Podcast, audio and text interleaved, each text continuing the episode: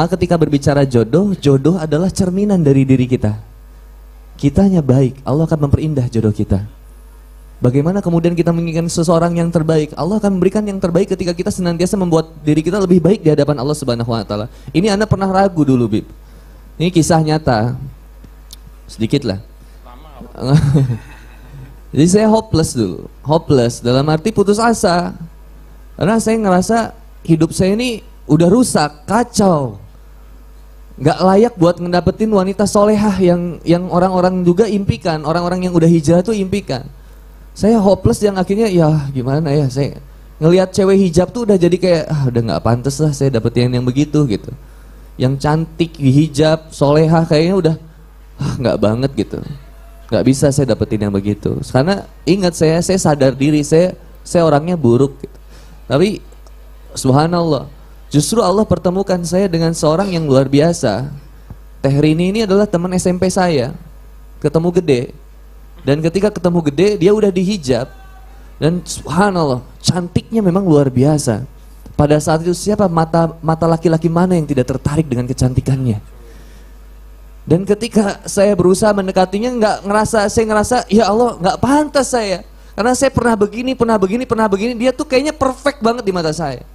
Saya cuma minta waktu itu sama ibu, minta sama ibu, saya pengen benar-benar tobat. Waktu itu saya ambil air, kemudian saya cuci kakinya, saya peluk ibu saya, saya sun keningnya, lalu saya bilang sama ibu saya, Bu, doain ya, Boni pengen punya istri yang bisa membimbing Boni dalam kehidupan Boni. Saya cuma kebalik, biasanya ahwat yang doa gitu, pengen punya suami yang bisa membimbingnya, tapi saya pengen punya istri yang bisa membimbing saya buat ngajarin sholat, ngajarin ini, ngajarin itu, buat bisa baca Quran. Saya pengen punya istri yang terbaik, Bu, pengen punya istri yang dihijab saya nggak pernah punya pacar yang dihijab, nggak pernah berada. Anak pacaran dari SD. Banyak teman-teman. Iya, yeah, yang lalu biarlah berlalu, teman. Lagi anak minta, bu, minta ya aku doain ibu, aku mandi pengen punya istri yang soleha. Doa ibu, brother. Ini anak yakini seandainya engkau seorang yang jomblo, kau laki-laki, maka pertama kali kau jangan memuliakan pacar. Tinggalkan pacar, bu, muliakan ibumu Anak berusaha memuliakan ibu, menghapus setiap air mata ibu, anak peluk ibu setiap waktu, setiap mau berangkat anak ciumin, minta doa bu, doainnya. Sampai akhirnya anak berlatih sholat, belajar jaga sholat. Anak tahu, anak ngerasa rusak, buruk. Tapi qadarullah Allah persatukan kemudian dengan dia. Ketika sudah bersatu, singkat cerita kami menikah. Ketika kami menikah, satu pertanyaan yang saya ucapkan kepada istri saya. Mam, kan manggilnya papa sama mamam ya? Hancur. Maaf ya. Ya. Mam. Mam kenapa sih kamu sayang sama papa? Kamu mau nikah sama papa?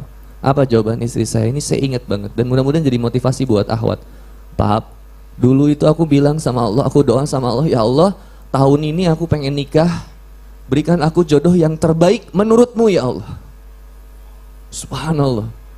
Siapa pun laki-laki yang datang ke rumahku ya Allah, dia adalah laki-laki yang terbaik dan serius untuk menjalin hubungan denganku ya Allah. Berikan yang terbaik menurutmu ya Allah.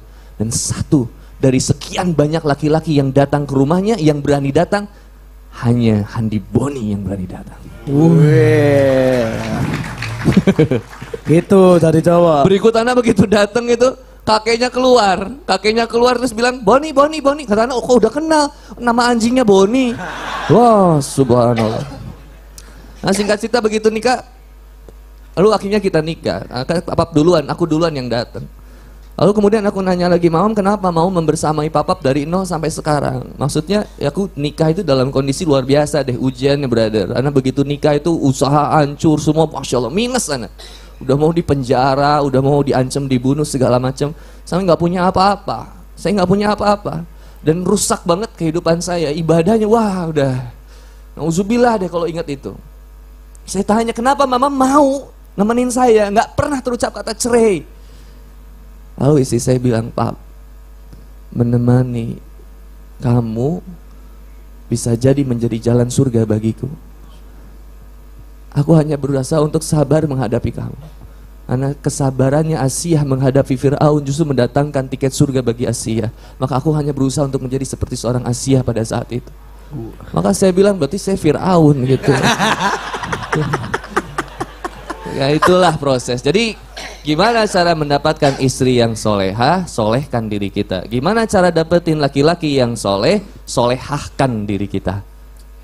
Yang kalau lihat cermin tuh gitu, pantasnya saya punya suami gimana ya? Jangan kemudian menilai saya pengen suami kayak Habib Ani, saya pengen punya suami kayak Kang Handi Boni. Enggak, kau bisa jadi mendapatkan laki-laki yang lebih baik dari susah, kami. Susah, susah, Susah. Oh, iya. Masya Allah. Iya. Ya ini brother yang si Feel lah gitu ya dengan cara yang terbaik. Nah yang berikutnya menjemput jodoh dengan cara yang terbaik. Kalau caranya salah pasti kemudian akhirnya mendatangkan masalah. Lewat pacaran. Ah, berapa banyak ahwat yang nggak yakin? Buat nikah itu bilang ah kayaknya nggak mungkin nikah dengan cara Islam tuh kayaknya ribet banget. Ih, susah kayaknya. Masa cuman ketemuan sehari dua hari bisa langsung nikah? Lah saya aja yang pacaran tujuh tahun gak nikah nikah eh, karena caranya salah dan bermasalah. Maka Islam itu sudah menjadi solusi bagi kehidupan kita. Maka dengan cara yang terbaik untuk menjemput jodoh yang terbaik insya Allah. Mungkin itu dulu dari Kang Bun